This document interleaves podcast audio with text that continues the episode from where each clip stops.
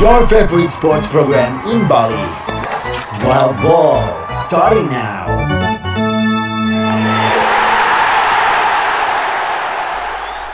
Halo. kan? Baru awal udah gitu ya. Eh. Udah terjadi fall. Waduh, nggak bisa pak, nggak bisa ini loh apa namanya? Apa tuh? Nggak bisa, nggak bisa dilanjutkan. Wih, apakah wild ball akan berhenti di sini seperti BKG? Ih, Jangan dong. bercandaan nama karir. Pastinya Wild Ball kita akan mulai lagi di pertandingan minggu ini Hard Rockers. Ah, Pokoknya saya bahagia banget. Hah, kebahagiaan itu dimulai dari saat eh, tim kesayangan kita udah tidak diperdulikan lagi. Dan eh, masih bareng saya di Pun Siombing dan juga masih ada Danda Suwardana di Wild yes, Ball. betul. Kita masih, akan ada kita. bicara tentang basketball, football dan Your balls. yes. Semua olahraga yang ada bolanya akan kita bahas. Hmm, Ya, kita mulai dengan satu olahraga Apa yang tuh? nggak semua orang tuh ngerti. bener. Iya, basket. Gak Olah- semua orang ngerti. Iya, basket itu butuh kekuatan kaki yang sangat luar biasa. Bener. Terus kekuatan tangan. Pergelangan tangan Wah, khususnya. ini coba ya, coba aja gue bisa foto. Dipun itu hari ini pakai eh, jersey ungu. Indonesia. Indonesia bro, lagi Wah. pakai seragam latihannya Indonesia tahun 2018. KW, KW, KW. Coba. Tapi kalau ngomongin soal basket nih, ada berita yang seru banget di Hard Rockers ya. Hmm. Masih tentang playoff. Nah, Karena ada banyak banget gunjang-gunjing pergosipan di sana sini ya kan? nih sebelum kita ngomongin gunjang-gunjing yang gosipnya gimana gitu ya, Mm-mm. kita dari mainbasket.com kemarin sempat kebaca kayak gini nih. Apa tuh? Setiap tim nantinya akan boleh bawa 17 pemain. Tadi kan 15. Ya, tadinya 15. Tadi 15. Jadi dua orang yang biasanya cadangan seandainya ada yang cedera, mereka bisa main. Atau Ya. 17 pemain ini harus didaftarkan sebelum tim berangkat ke Orlando. Oh, berarti masih ada waktu nih untuk nyari lagi Nah, dua kalau ya. pengen cari pemain lagi itu masih bisa nih. Karena batasnya adalah sebelum tanggal eh, bulan sampai awal Juli. Jadi jendela transfer itu Uh-uh. udah mulai dibuka tanggal 22. 22 Juni besok. Iya, 22 Sampai Juni. awal Juli. Iya, sampai awal Juli. Persyaratannya lumayan. Mm-mm. Jadi persyaratannya adalah pemain cedera tuh sebenarnya nggak boleh ikut ke eh, Orlando. Bye bye Kyrie. Oh iya benar juga. Terus Bojan. Bojan. Bojannya Utah Jazz nggak bisa. LeMarcus Aldridge nggak bisa Iya. dari Spurs. Terus Dwight Powell sama Jalen Brunsonnya si Dallas Maverick juga nggak bisa. Waduh, banyak dong ya jadinya yang harus dicari baru Trae ya. Young juga nggak bisa.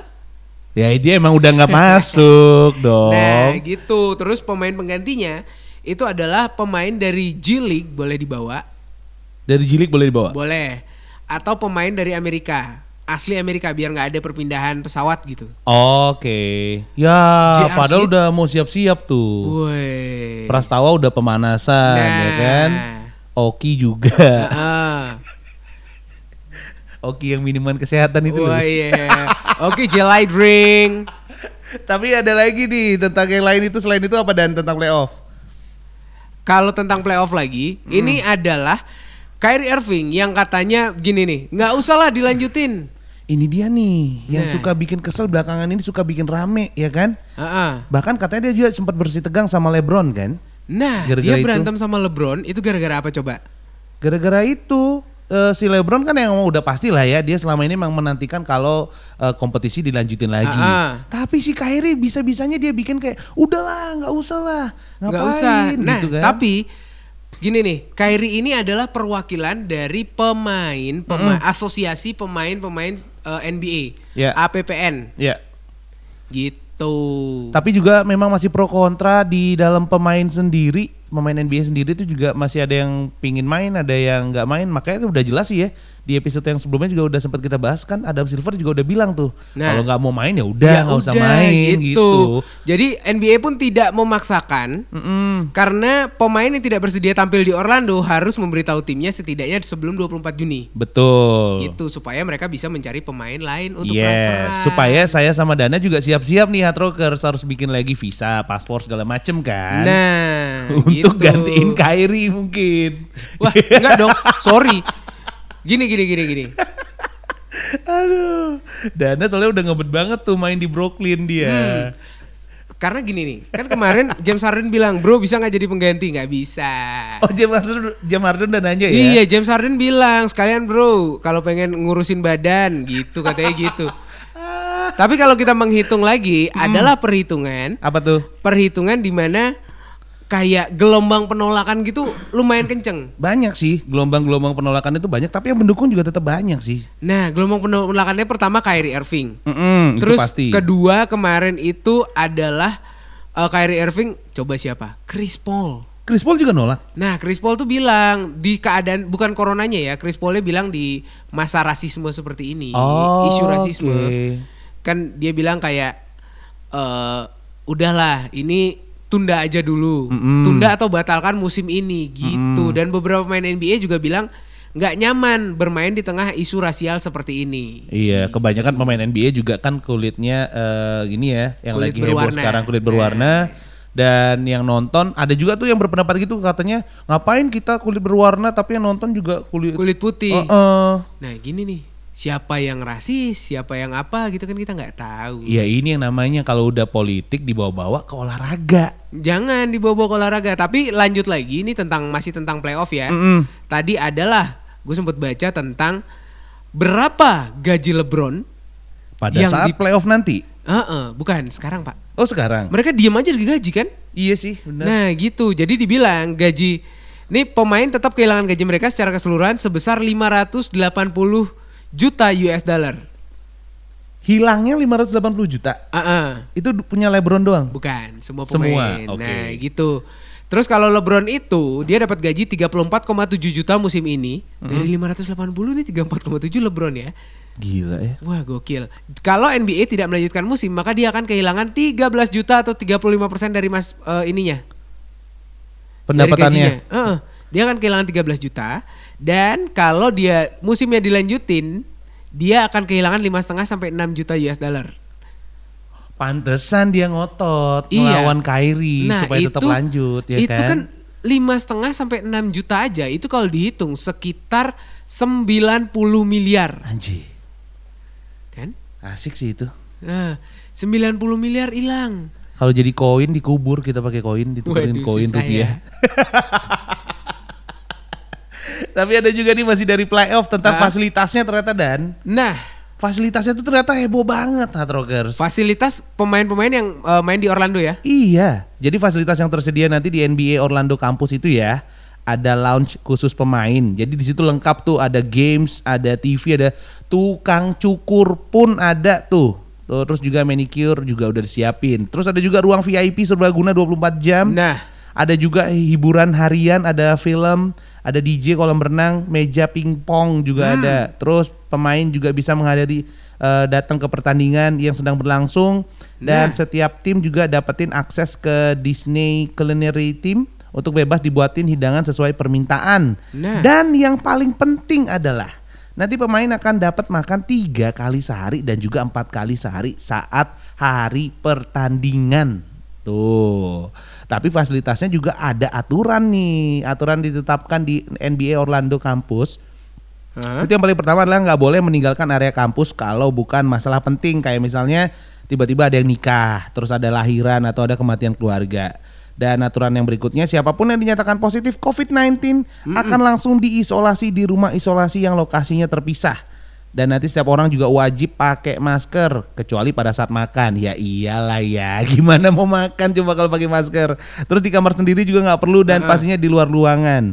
Ada juga hotline anonim akan dibuat untuk melaporkan pelanggar protokol keselamatan COVID-19. Di aturan yang ini nih yang bisa jadi konspirasi yang kayak Dana Nah, tadi bilang. tuh. ini nih konspirasi di sini adalah seandainya Yes. seandainya saya adalah Yanis Antetokounmpo Ya. Bener. nanti akan berhadapan sama LeBron. Yes. Gimana caranya? Ngomong aja, LeBron tadi kok saya lihat di depannya restoran batuk-batuk. Iya. Berdarah. hidungnya, hid- hidungnya meler. Hidungnya meler, terus dia bilang lagi diare. Iya. Anthony Davis juga. Sesek napas. Oh, oh, berasa sesak nafas. Siapa tahu dia keselak abis makan mie pindang. Yang ini sih wajar banget untuk bikin film dokumenter nggak kayak jagoannya Dana tuh si KT ya. Wow.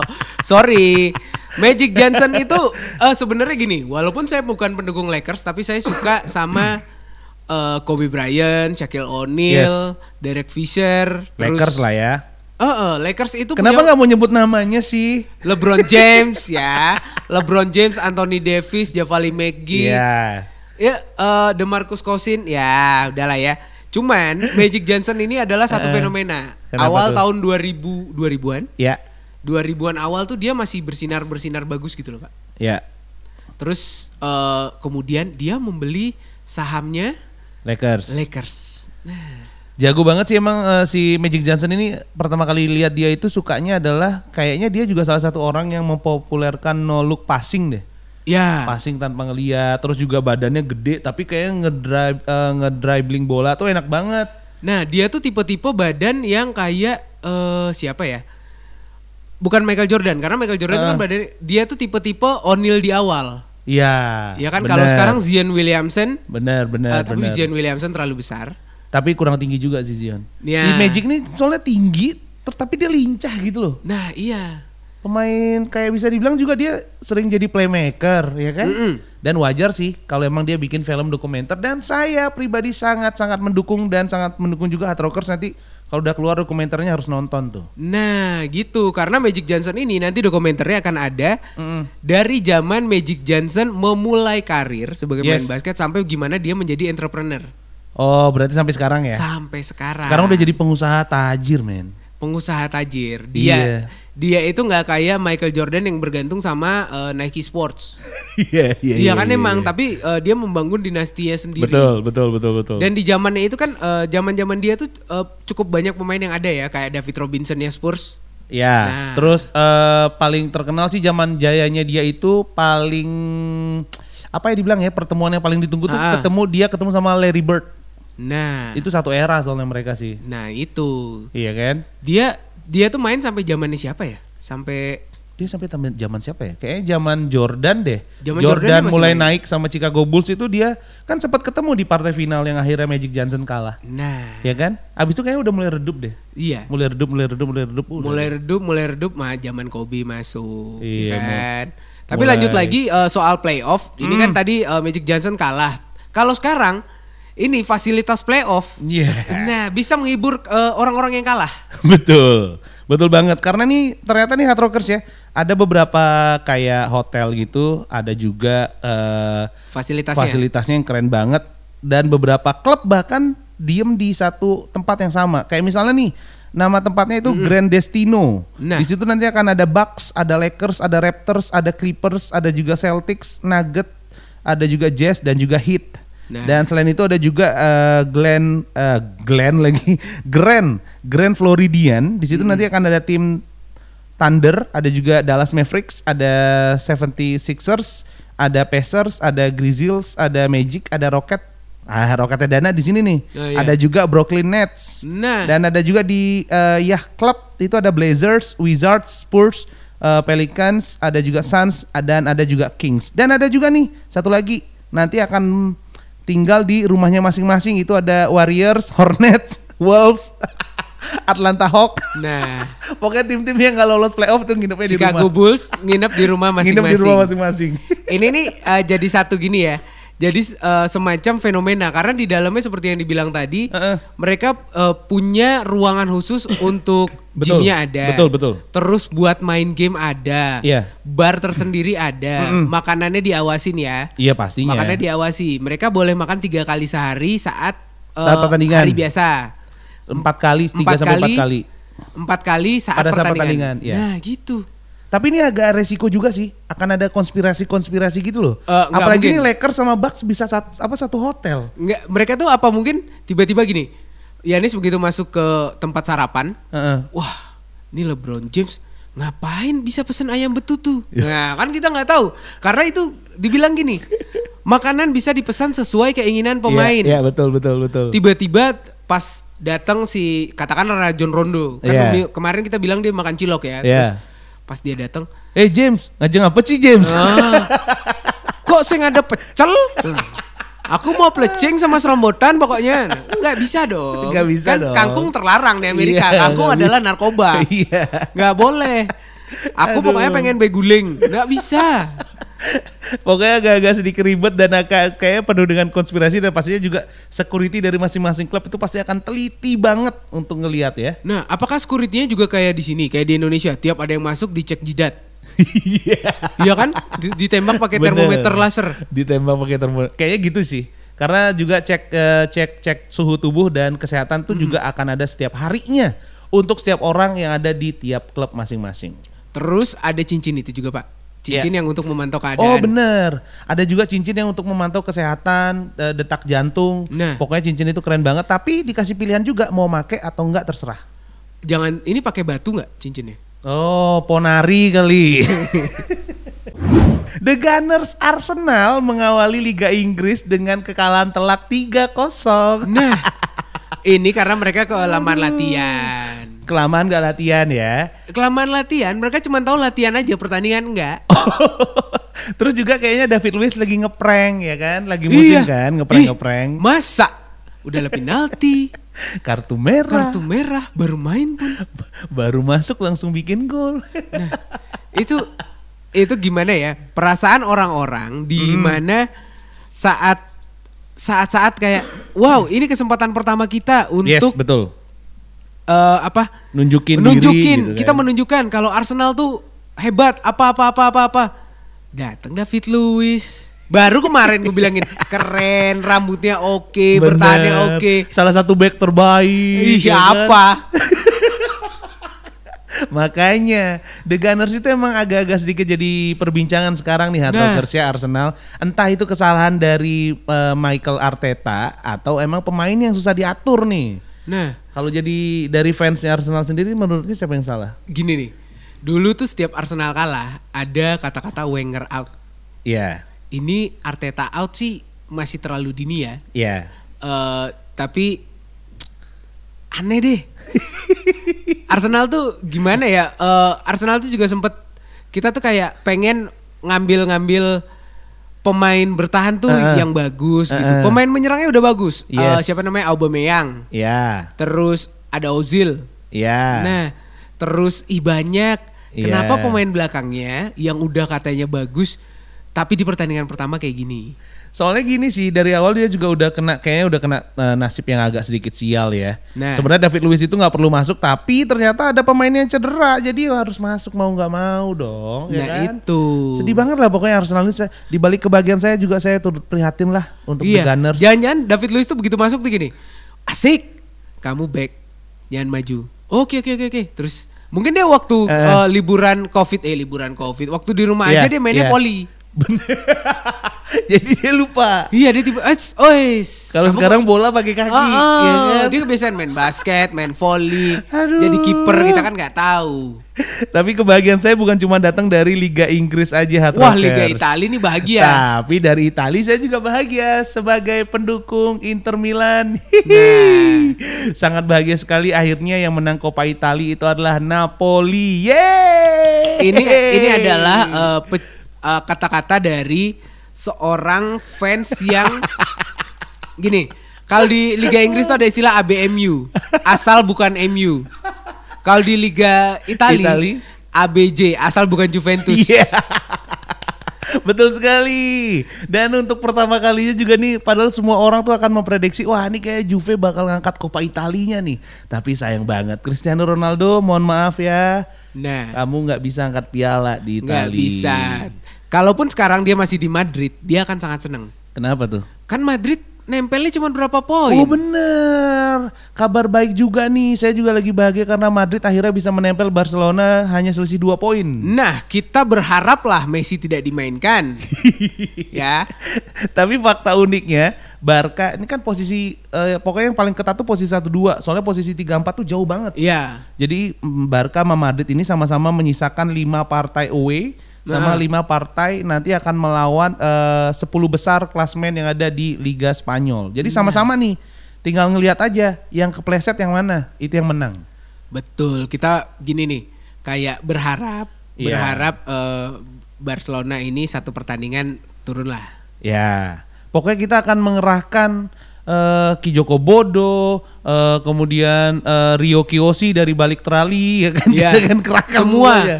Tapi kalau kalau udah semua dikerahkan ya doa lah, doa. Doa. Doa lah, doa yang bisa membuat Madrid juara. Cuman Amin. ini nih kalau dari Asia apa-apa gitu kan Yes. eh kok Asia Eropa Eropa yes, kan yes. ibaratnya mulus gitu ya tapi ah, di Hmm. belakangnya ini nih UEFA Yes. Alias eh, Federasi federasi sepak Eropa. bolanya Mm-mm. ini mereka bilang nih mereka akan melonggarkan kepatutan finansial Yep. yang biasanya mengharuskan neraca keuangan impas Betul. jadi nantinya klub-klub itu wajib kayak gini nih. eh, aku pengen berhutang nih tadi kan mereka nggak boleh punya hutang Ah, karena ah. untuk menjamin menjamin gaji pemain itu tetap Betul, lancar. betul, mereka betul. sekarang wajib menjaga gaji pemain tetap lancar dan hutangnya itu kayak gini nih. Diperbolehkan. Diperbolehkan tapi sampai 2021. Oke, Gitu. berarti ini kesempatan buat klub-klub di Eropa yang mau ngutang-ngutang. Nah, sekarang Nah. saat yang paling pas. Nah bener kan Messi kemarin takut nggak THR-an pas lebaran kan. Bener, padahal dia mau pulang ke Jombang tuh Nah, kan. Muhammad Salah juga. ya kan? Muhammad Salah ke mana? Ke Jember Utara. Waduh, Jembara, ya kan?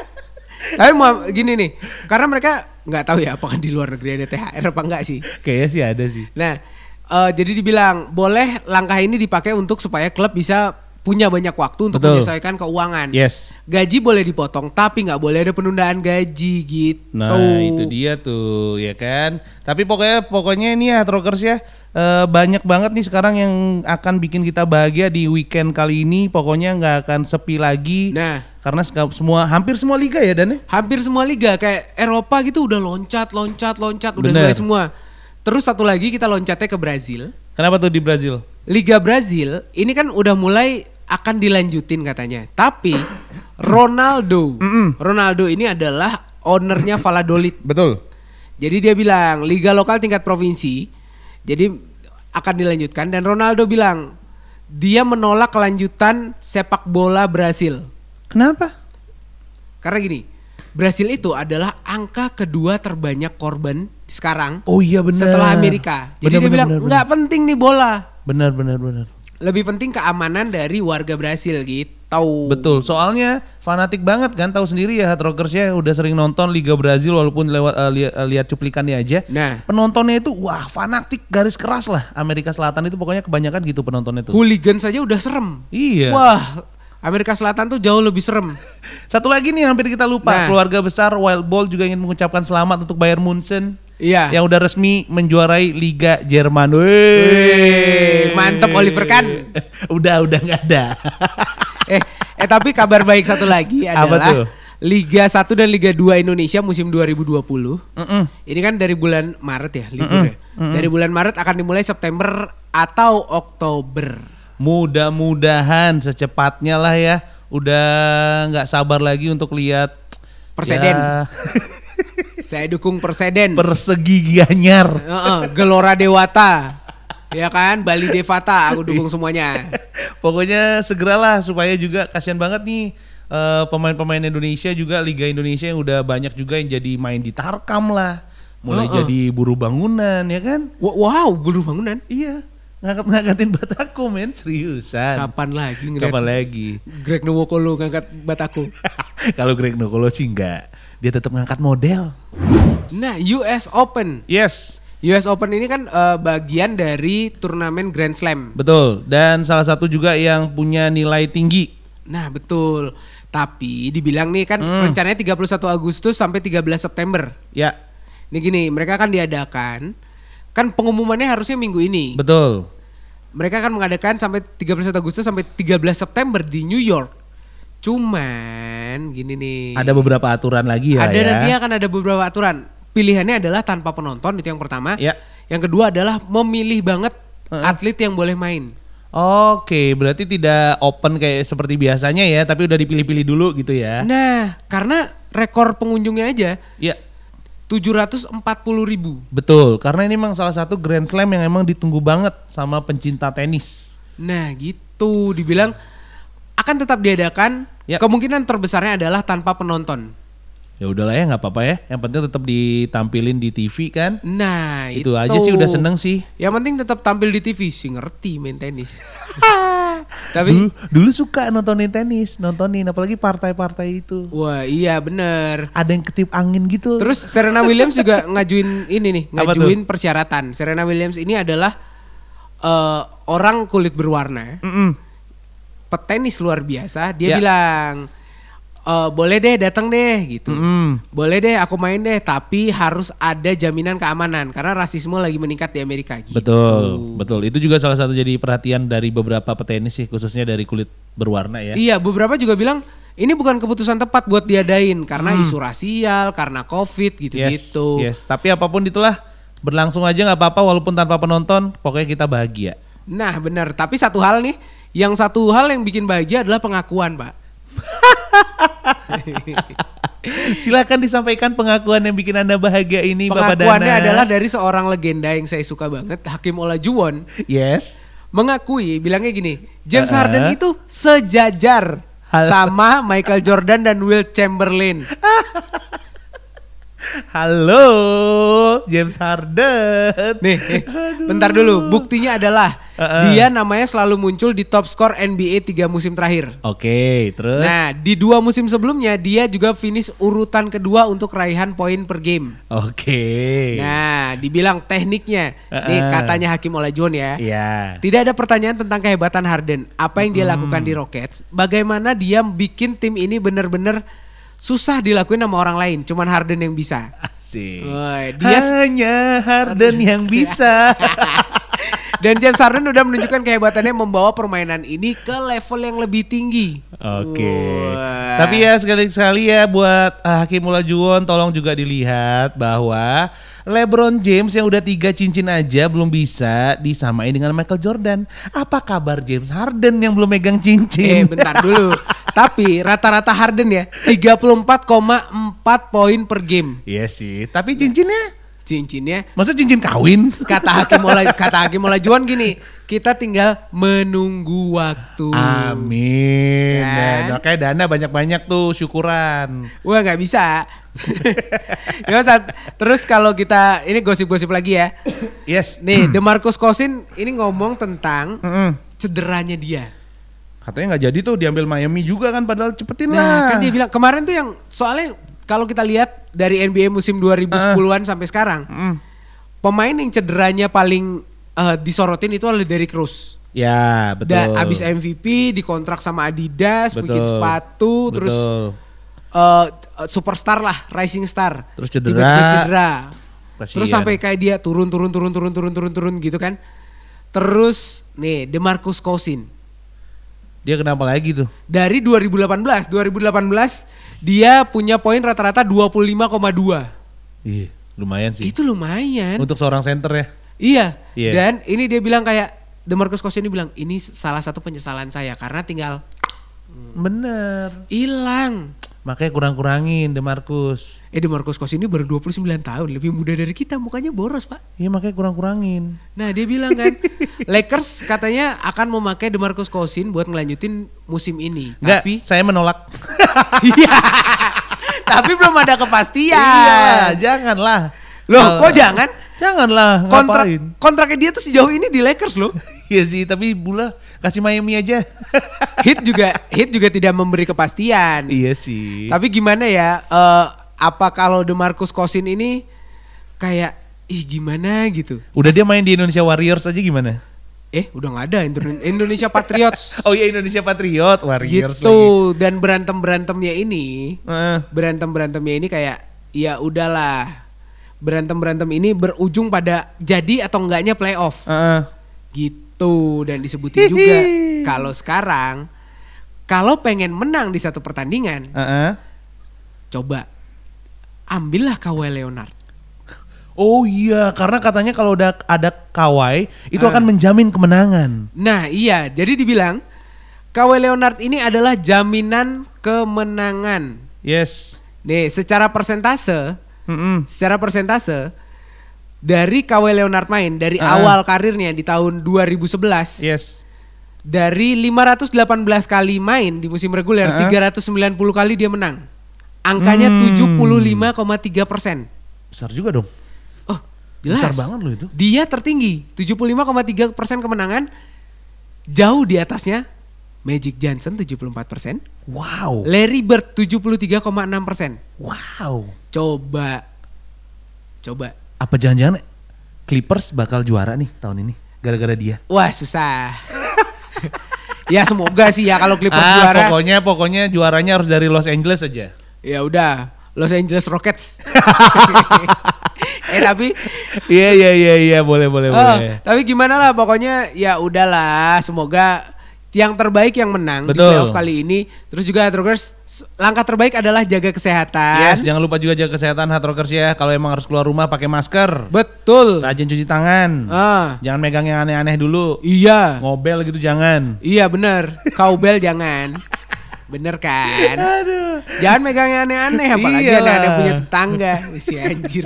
Pokoknya sama satu lagi nih kalau ada yang mau minta request dibahas apa, kayak kita bahas tentang tenis tadi barusan atau mungkin pertandingan berikutnya akan bahas yang lain lagi, silakan langsung aja Nah. tinggal tag ke Instagram kita @hardrockfm Bali. Boleh langsung dibilangin di sana terus juga pokoknya kita pamit deh minggu depan kita bahas apa ya Tungguin. karena kan liga-liga udah pada mulai nih Betul. minggu depan kita bahas Ronaldo Boleh. Sama Ronaldo. Messi.